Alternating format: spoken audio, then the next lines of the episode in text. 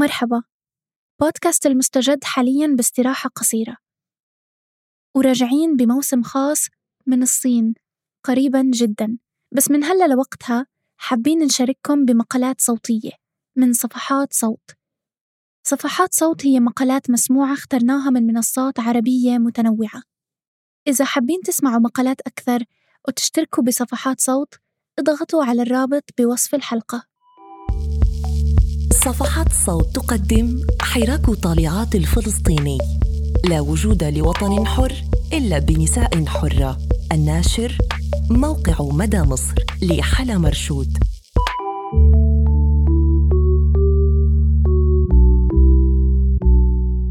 في سبتمبر أيلول من عام 2019 خرجت الآلاف من النساء الفلسطينيات إلى الشوارع مطالبات بالحرية والأمان. حاملات راية التحرر وهاتفات من أجل واقع أفضل.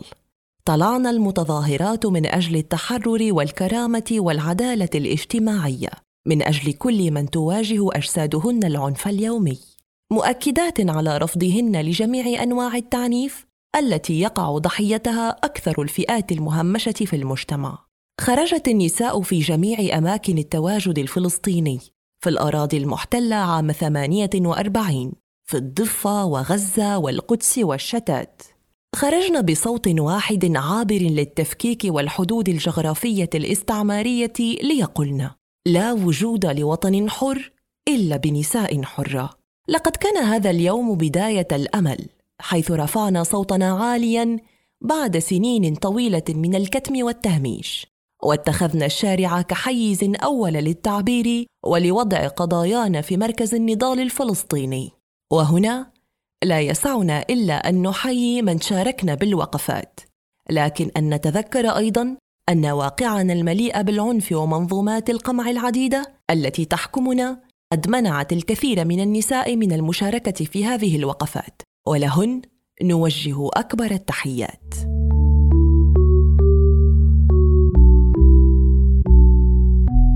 ما هو حراك طالعات؟ هي مجموعة من النساء الفلسطينيات اللواتي يناضلن ضد جميع أشكال القمع والتعنيف الممارسة على المرأة الفلسطينية أينما كانت. بعد استمرار حالات قتل النساء التي وصلت إلى 18 حالة خلال عام 2019 هذا بالإضافة إلى ما لا ترصده المعطيات من حالات تعنيف متعددة. اجتمعت مجموعة من النساء وباشرن مراكمة تجربة نضالية جديدة خاصة في ظل تهميش تام لهذه القضايا في النضال السياسي الفلسطيني العام، حيث يتم زج هذه القضايا إما في خانة الشخصي وكقضايا تخص النساء وحدهن، أو في خانة الاجتماعي بمعزل عن السياسي وكأولوية مؤجلة. أما النساء في طلعات فجئن ليقولن إن هذه القضايا ليست فردية أو جنائية منفصلة، إنما هي حالة اجتماعية متجذرة تعتاش على منظومات كاملة من العنف والفساد. وبالتالي على هذه القضايا أن تخص كل فلسطينية وفلسطيني. حراك طلعات هو حراك مستقل وغير تابع لأي مؤسسة. لأننا نسعى إلى تسييس هذه القضايا لا حصرها في النطاق الحقوقي القانوني. ولأننا نريد حراكا يشمل جميع فئات المجتمع ويمكنه أن يروي قصة جميع الفلسطينيات ويتخذها على محمل الجد وكجزء من سيرورة تغيير سياسية واجتماعية شاملة. دعا الحراك لتنظيم وقفات في جميع أماكن التواجد الفلسطيني ورافقت الدعوة حملة إعلامية واسعة سلطت الضوء على قضايا العنف التي تحدث في المجتمع وداخل البيوت وعلى أهمية التحرك الفلسطيني من أجل وضع حد للتعنيف المستمر الذي تقع ضحيته نساء وفتيات يقتلن بدم بارد وفي ظل صمت مجتمعي.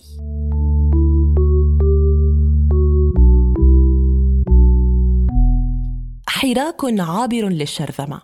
نحن كنساء وكشعب فلسطيني نعيش تحت نظام استعماري عنيف. على مدار أكثر من سبعين عاما قام هذا النظام بتفكيكنا وتهجيرنا وشرذمتنا وتجريدنا من أي مقومات مادية ومعنوية. نتيجة لهذا الواقع وجد العنف المجتمعي إفرازاته داخليا وغالبا في أكثر المساحات الضيقة والتي تعتبر آمنة. ألا وهي العائلة والبيت. فلا أحد سيحاسب الأب أو الأخ أو الابن حين يستقوي على امرأة في البيت ولا أحد سيجرده من سيطرته في هذا الحيز. لقد قام النظام الصهيوني بأذرعه المختلفة باستخدام وتعزيز البنى الأبوية والذكورية من أجل إحكام القبضة على الشعب الفلسطيني ما أدى إلى تفاقم القمع الجندري والطبقي داخل المجتمع الفلسطيني. لا يمكننا عزل حالات العنف التي نراها اليوم على هذا الواقع السياسي والاقتصادي في فلسطين وعن سياسات الإفقار والتهجير المستمرة التي يستخدمها النظام الصهيوني تجاه الفلسطينيات والفلسطينيين. في ظل هذا الواقع رأت النساء في حراك طالعات أن سيرورة الشفاء من هذا الواقع القاسي والفظيع تتطلب تضامنا نسويا عابرا للشرذمة. ليكون تضامنا يحاكي قصص النساء الفلسطينيات في جميع أماكن تواجدهن كي يحاربن سوية من أجل بناء نضال فلسطيني عادل وآمن.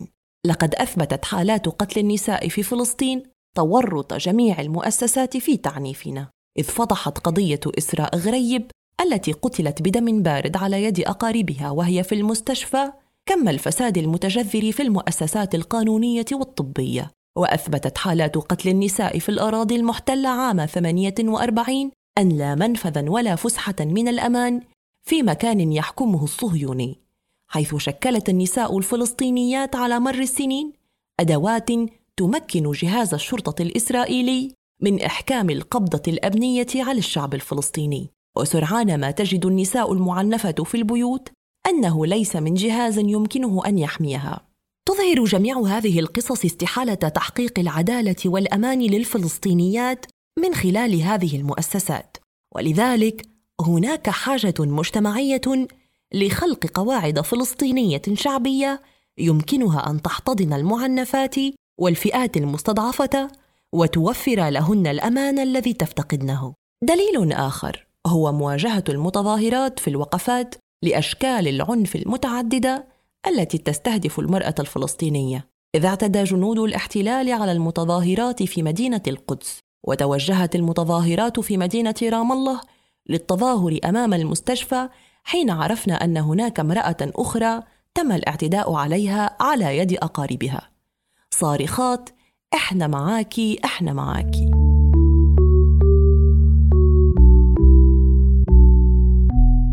إعادة تعريف التحرر الوطني الفلسطيني.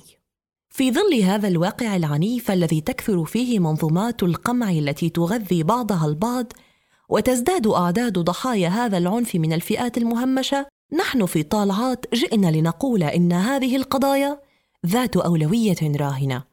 وعلينا التعامل معها كشعب فلسطيني يناضل من أجل التحرر. على مدار السنوات تم تهميش هذه القضايا في النضال السياسي الفلسطيني واعتبارها شأنا يمكننا التعامل معه فقط بعد التحرر من الاستعمار.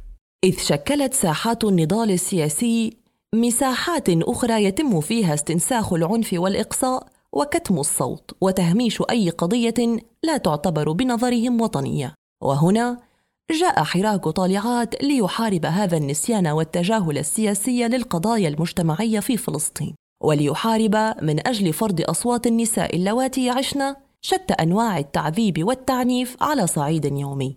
وليذكر بأن التحرر هو مفهوم عام وشامل يمكننا أن نرى فيه العالم وشكل وأدوات نضالنا السياسي وشكل المجتمع الذي نريد العيش فيه. بكلمات أخرى جئنا في طالعات لنضع هذه القضايا في صلب الخطاب التحرري الفلسطيني ومركز الفعل السياسي الفلسطيني ولنراكم نحو بناء شعب ومجتمع حر. جئنا لنقول إنه قد آن الأوان لنفكر مجددا بالنسوية في فلسطين وآن الأوان أن نفرض حراكا وخطابا نسويا تعبويا وغاضبا كضرورة لبناء نضالنا الفلسطيني كنضال عادل.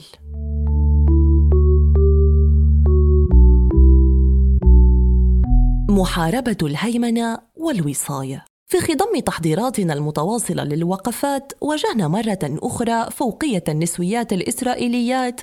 اللواتي لم يتحملن فكرة وجود صوت فلسطيني لا يطلب منهن الموافقة أو المشاركة.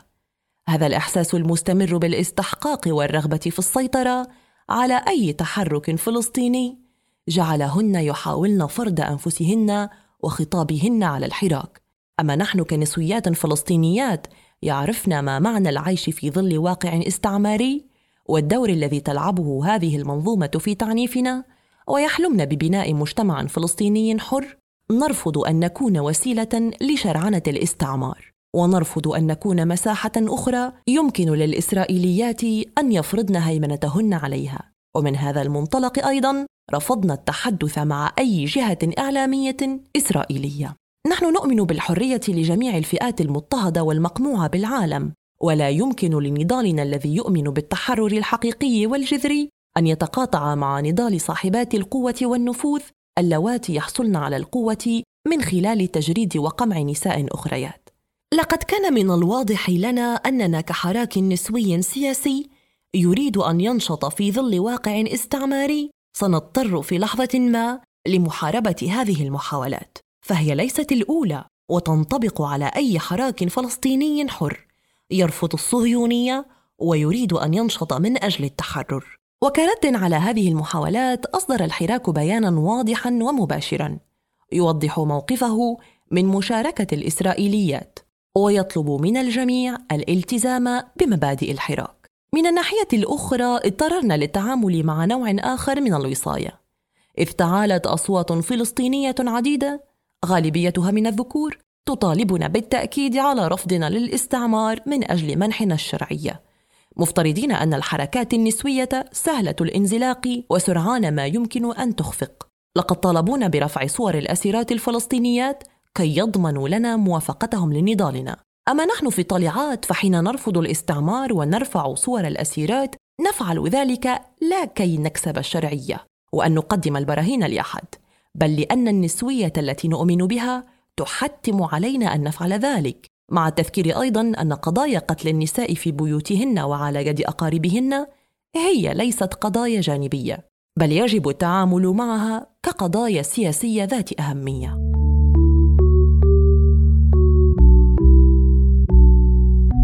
وجهة الحراك لقد اتخذنا الشارع كبداية والآن نحن مستمرات آملات بأن نراكم وأن نتوسع وأن ننشط في جميع أماكن التواجد الفلسطيني مع نساء من جميع الفئات المجتمعية. وآملات أن نكون مساحة لا مركزية يمكننا من خلالها أن نضع قضايانا على الساحة السياسية في فلسطين وأن نحارب ونناضل من أجل رؤية مجتمعنا امنا وحرا وعادلا. نحن نريد أن نضع هذه القضايا كأولوية في الساحة السياسية والتي يمكن لأي فلسطينيه وفلسطيني التعاطي والتعامل معها على أنها قضية جوهرية. وندري أنه في واقعنا يكمن الحل في تفكيك منظومات القمع جميعها وبناء خطاب سياسي جديد يتعامل مع جميع القضايا المجتمعية في فلسطين وجميع أنواع القمع الموجهة ضد فئات عديدة أخرى في المجتمع كالطبقات المفقرة وكل من يقبع في الهوامش ولا يجد مساحة يمكنها أن توفر له الأمانة للعيش بكرامة. كان معكم من التقديم ندى منصور ومن فريق التحرير راشد البابلي وجنى قزاز. هذا العمل من إنتاج صوت.